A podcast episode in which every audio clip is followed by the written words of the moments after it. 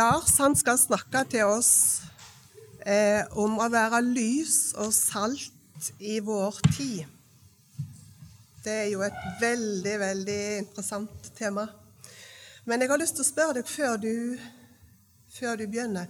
Hva er det kjekkeste du gjør i jobben din?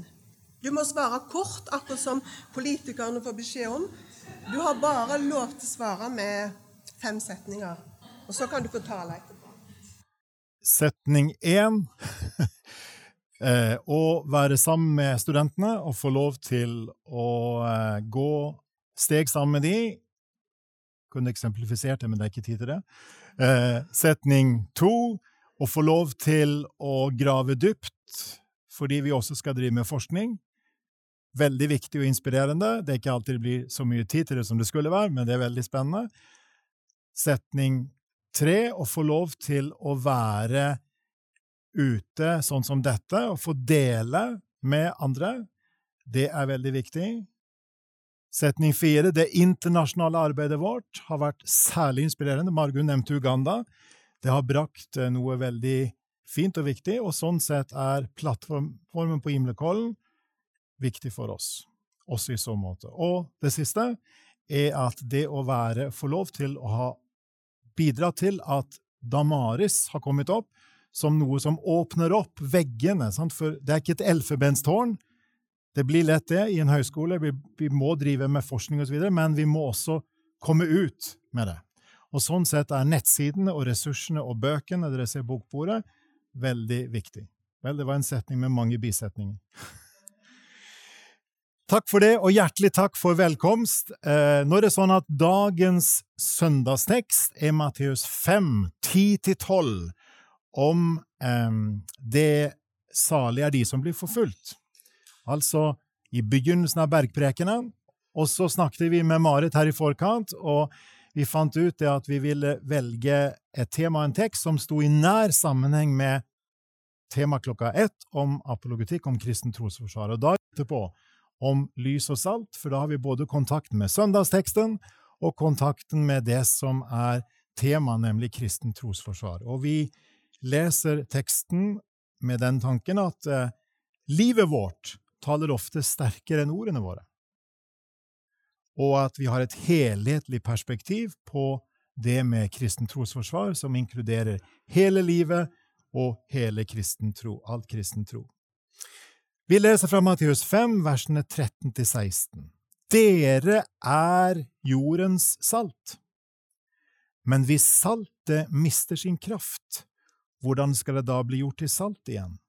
Det duger ikke lenger til noe, men kastes ut og tråkkes ned av menneskene. Dere er verdens lys. En by som ligger på et fjell kan ikke skjules, heller ikke tenner man en oljelamp og setter den under et kar, nei, man setter den på en holder så den lyser for alle i huset. Slik skal deres lys skinne for menneskene, så de kan se de gode gjerningene dere gjør, og prise deres Far i himmelen. Herre, hellig oss i sannheten, dette ditt ord er sannhet i Jesu navn. Amen. Vi er helt i begynnelsen av bergprekenen. Jesus har samlet disiplene, og han formidler til dem hva vil det si å være en disippel.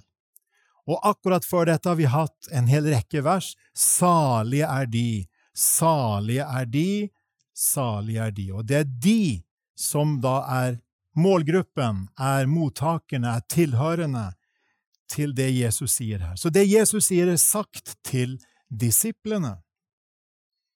Og så bruker Jesus to bilder, og egentlig er det jo utrolig på en måte enkle bilder og samtidig dype bilder. Salt og lys. Det er jo nesten umulig å tenke seg en husholdning, et hjem, en familie, der salt ikke finnes, og der lys ikke finnes. Sånn var det på Jesu tid, og sånn er det i dag. Vi trenger saltet, vi trenger lyset. Såpass mye koker jeg vel middag hjemme at jeg er klar over at salt trenger vi. Ikke sant? Og salt har vi på bordet. Så må det ikke være for mye, så det må være passe porsjoner. Salt på Jesu tid hadde nok ulike bruksområder.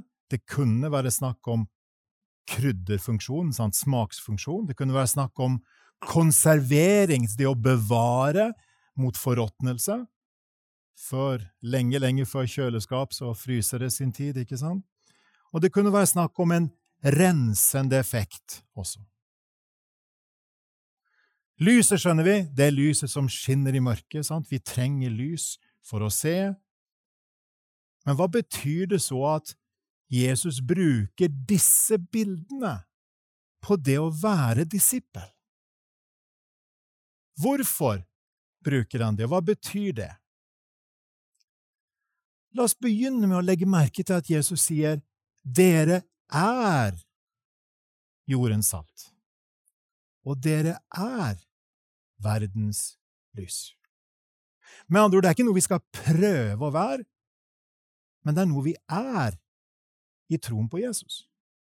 Så egentlig kan vi si at Jesus begynner med å si at det er en gave til oss. Vi har fått dette å være lys, fått dette å være salt. Det er et nådetilsagn. Og da gikk tankene mine til et par år siden, når vi feira reformasjonsjubileet, det store. Og så husker dere kanskje at reformatorene, Luther og de andre, snakket om de ulike alene, sant, som troen alene og nåden alene osv. Og, så og vi kan tenke oss at dette er det femte alene, men da kommer det fire alene, alene før det. Dette har å gjøre med å leve livet til Guds ære alene.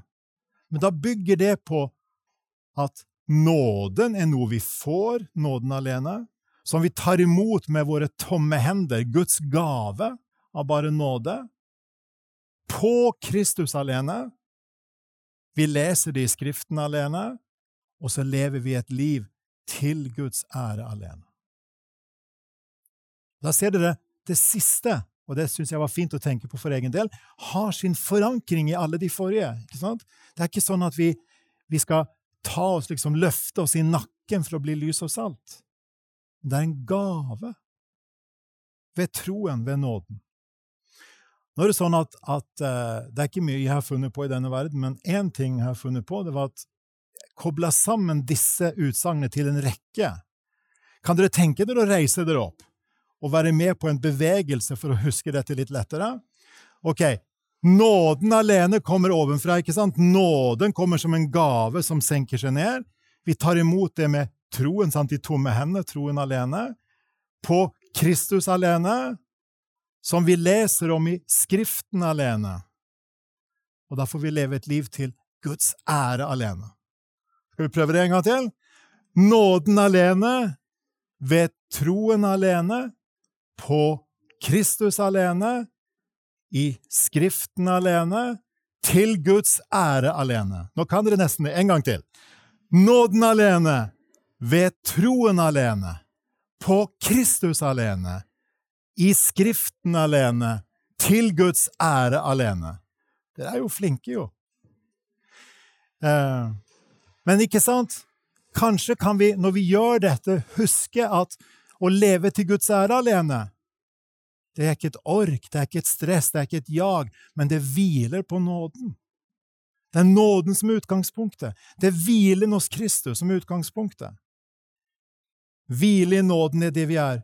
Gaven kommer før oppgaven.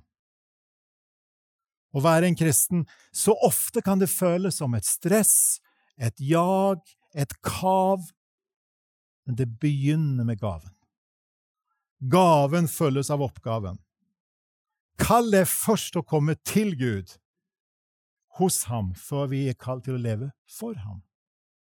Jeg vet ikke om du trenger å høre dette, og jeg trenger å høre dette i dag, men men vi trenger å minne hverandre på det, tror jeg, at gaven kommer før oppgaven. Dere er jordens salt. Og så var det noe merkelig det, det vers 13 der, for resten av verset er brukt på den faren det er at en kan miste saltkraften. Sant? Saltet kunne bli utvanna, kunne bli forurenset, kunne miste sin saltkraft, saltevne. Og vi kan vel kanskje formulere det sånn å være disippel er å leve så nær Jesus at vi bevarer saltkraften. Å være disippel er å leve så nær Jesus at vi bevarer saltkraften. Lik Jesus, nær Jesus.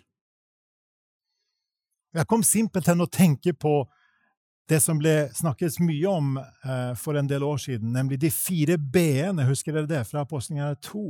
Det å leve i, i, eh, i apostlenes lære, eller i Bibelen, da, og, og, i læren i Bibelen, Guds ord.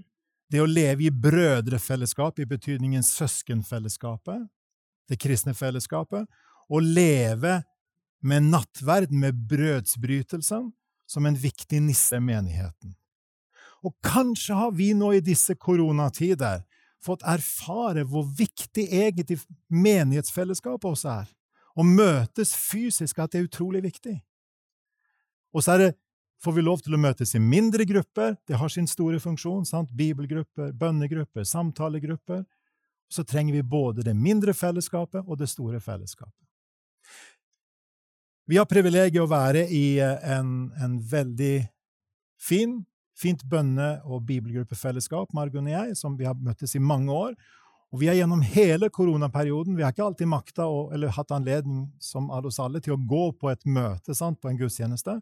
Men det å bevare fellesskapet og møtes på nett digitalt, hvis det har vært nødvendig, har hatt veldig stor betydning for oss. Og du kjenner det sikkert igjen, hva som betyr mye for deg i ditt liv. Men å være disippel er å leve så nær Jesus at vi bevarer saltkraften. Så fortsetter Jesus her og snakker om verdens lys. En by som ligger på et fjell, kan ikke skjules, og mens den vekten på i vers om salt er at vi må ikke miste saltkraften, er vekten på lyset her at vi må ikke skjule lyset. Og nå vet jeg, nå er ikke akkurat dette et ord som stemmer overens med janteloven, ikke sant, for å si det sånn. Dette er et ord som utfordrer mye i vår forståelse, for det faktisk står det snakk om at å være Jesu disippel er å la våre gjerninger lyse for vår neste. Er ikke det litt tankevekkende at Jesus er så tydelig? Han sier det slik skal deres lys skinne for menneskene, så de kan se de gode gjerningene dere gjør, og prise deres Far i himmelen. Vi nevnte reformasjonen her, og Martin Luther sier her at dette har å gjøre med våre trosgjerninger. Da har et sitat her å lære rett, å vektlegge troen og vise hvordan den kan styrkes og bevares. Det er slik vi vitner om at vi virkelig er kristne. Altså trosgjerninger. Og det er så sant. Det ligger veldig nær å tenke at dette er en viktig del av å ikke skjule hvem vi er som kristne. Men det spørs om ikke dette bryter litt grensen for, for, for trosgjerningen også, og vi kan snakke om at det både er trosgjerninger og kjærlighetsgjerninger. Gjerninger som viser hvem vi er. Hvis vi har møtt evangeliet, syndenes forlatelse, for Jesu Kristi skyld, så sier Jesus også den som er tilgitt mye, elsker mye. Så kan vi spørre oss lever vi i trosgjerningene. Lever vi ut dette? Lever vi i kjærlighetsgjerningene? Lever vi ut dette? Å ikke miste saltkraften, og ikke skjule lyset. Hva vil det så si å være lys og salt i vår tid? Her kunne vi sagt mye, og egentlig tror jeg vi alle kunne ha delt noe hva det vil si å være kristen, for vi er på ulike arenaer. Ingen arena er viktigere enn de andre, alle har sin rolle, alle har sine oppgaver, og vi kunne delt hva det betyr. Og så var jo søndagsteksten i dag om sant, Forfølgelse. Salig er de som blir forfulgt for rettferdighets skyld, de versene foran det vi leste. Så lever vi i et land, i en del av verden, med ufattelig frihet. Enorm frihet. Juridisk, lovmessig sett, er det utrolig stor ytringsfrihet, trosfrihet og samvittighetsfrihet. Problemet i vår del av verden er at den friheten kan begrenses av holdninger som gjør det vanskelig å praktisere friheten. Ikke sant? Friheten kan være der juridisk i lovverket, men holdningene kan virke begrensende. Og da må vi, tror jeg, få frimodighet til å opprettholde det rom av frihet vi har, som er veldig stort, og samtidig bruke det rommet av frihet til å huske på våre trossøsken i andre deler av verden som ikke har denne frihet. Og det vil være naturlig, siden også dette er søndagens tekst og tema, og minne oss i dag på at vi har trossøsken som lever under svært vanskelige forhold. Vi kan tenke på Nord-Korea, vi kan tenke på den økende kontrollen i Kina, vi kan tenke på Nord-Nigeria, vi kan tenke på eh, eksempelvis den nye situasjonen i Afghanistan for trossøsken, osv., osv. Og så har vi fått en enorm frihet. Så må ikke vi bringes til taushet. Vi må ikke miste saltkraften, og vi må ikke sette lyset skjult. Men be Gud om å få være den vi er, i troen på Jesus Kristus. Hva vil det si å være lys og salt i vår tid? Jeg hadde lyst til å nevne for dere noe som ble grunnen tankevekkende for min del når jeg leste det for, igjen for, for, et par dager siden. Det fins en, amerika, en, en, amerikansk pastor som holder til i, på Manhattan i USA, uh, i New York, som heter Timothy Keller. Tim Keller. En del av dere kanskje kjenner hans navn, og han henviser til en forsker som heter Larry Hurtado, som skriver om hva var det som gjorde at de første kristne vokste så enormt, fra en liten, forfulgt minoritet, sekt, til at den preget hele Romerriket. Så sier Hurtado at her er det fem ting de levde med verdier, dype overbevisninger, som preget de, og som preget samfunnet rundt. Og så sier Tim Keller at spørs om ikke vi også må tenke over hva det betyr for oss i dag. Det første er det en kan kalle det multietniske. Det at kristen tro forener på tvers av kulturer, på tvers av etniske grenser. Vi vet hvor viktig det er i land der etniske konflikter er veldig krevende. Men i vår del av verden, i vårt land, har vi forsamlinger, har vi fellesskap som er åpne for migranter, åpne for mennesker med en annen hudfarge. Her trenger vi, tror jeg, be om visdom. Nå i uka så fikk jeg lov til å være med på Normes, av Norsk råd for misjon og evangelisering, Eh, sitt årsmøte og årskonferanse i, i, der det var tema særlig er vi åpne for den som kommer fra et annet land eller en annen kultur.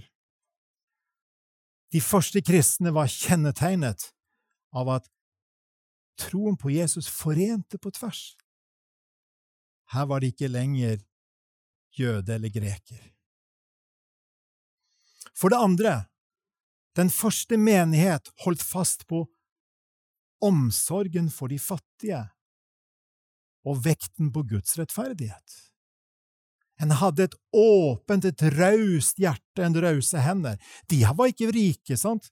De hadde lite å, å, å bringe, men det de hadde, var preget av en raushet.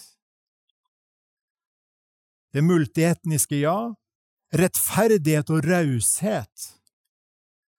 Og vi står i en global sammenheng. Mange mennesker er fattige. Når folk, Det står i Paulus skriver at vi er Kristi brev. Hvordan leser vår neste oss som brev? Har vi et raust hjerte og rause hender. For det tredje sier Hurtado tilgivelse som holdning. Vi har kommet inn til Jesus, fått tilgivelse. Den som tilgir mye, elsker mye. Da skulle vårt liv være preget av en tilgivende holdning. En raus holdning i møte med andre. Og En av de anvendelsene Tim Keller gjør, er hvordan er vi på sosiale medier i dag? Har vi raushet? Tolker vi mennesker i verste betydning? Det ser ut som filterne forsvinner når vi går online ofte. Trenger vi å tenke på hvordan er vi Kristi brev i de sosiale mediene? For det fjerde peker Hurtado på at den første kristne forsamling de første århundrene holdt fast på at menneskeverdet var ukrenkelig. Ethvert menneske var verdifullt, også det ufødte barn, skriver Hurtado. Tankevekkende, sterkt. Gud har gitt mennesket en ukrenkelig verdi, fra unnfangelsen til den naturlige død. Og til slutt, for det femte, menigheten holdt fast på renhet, en annerledes syn på seksualitet enn kulturen rundt. Det var en spenning mellom menigheten og kulturen rundt. Nå, om en måned omtrent, så kommer det ut en ny bok. Det ligger mange bøker av kollega og gode venn Stefan Gustavsson der nede. Den nye boka som kommer nå, heter nakne uten skam. Om den seksuelle revolusjonen og et revolusjonært syn på sex. At kristen tro i dag faktisk har et revolusjonært syn på sex. Et, sek, et syn på sex som gir nye perspektiv i møte med dagens kultur. Her ser vi at det åpnes opp et landskap for oss, der vi alle trenger å be om visdom. Jeg trenger å be om visdom. Mitt liv er ikke sånn at jeg speiler disse verdiene helt og holdent. Jeg vet ikke hvordan du tenker om ditt liv, men tenk om vi kunne se inn i hva det vil si å være lys og salt, sånn at vi kunne gjenspeile Bibelens verdier i møte med våre venner fra andre kulturer, i møte med de fattige, enten det er nært eller langt vekk, i møte med de som vi står i relasjon til, kan vise tilgivelsens holdning, høflighet, bygge bro, stifte fred, i møte med det ufødte liv og helt til den naturlige død, i møte med alt det som i dag står i fokus knytta til seksual etikk, moral, renhet.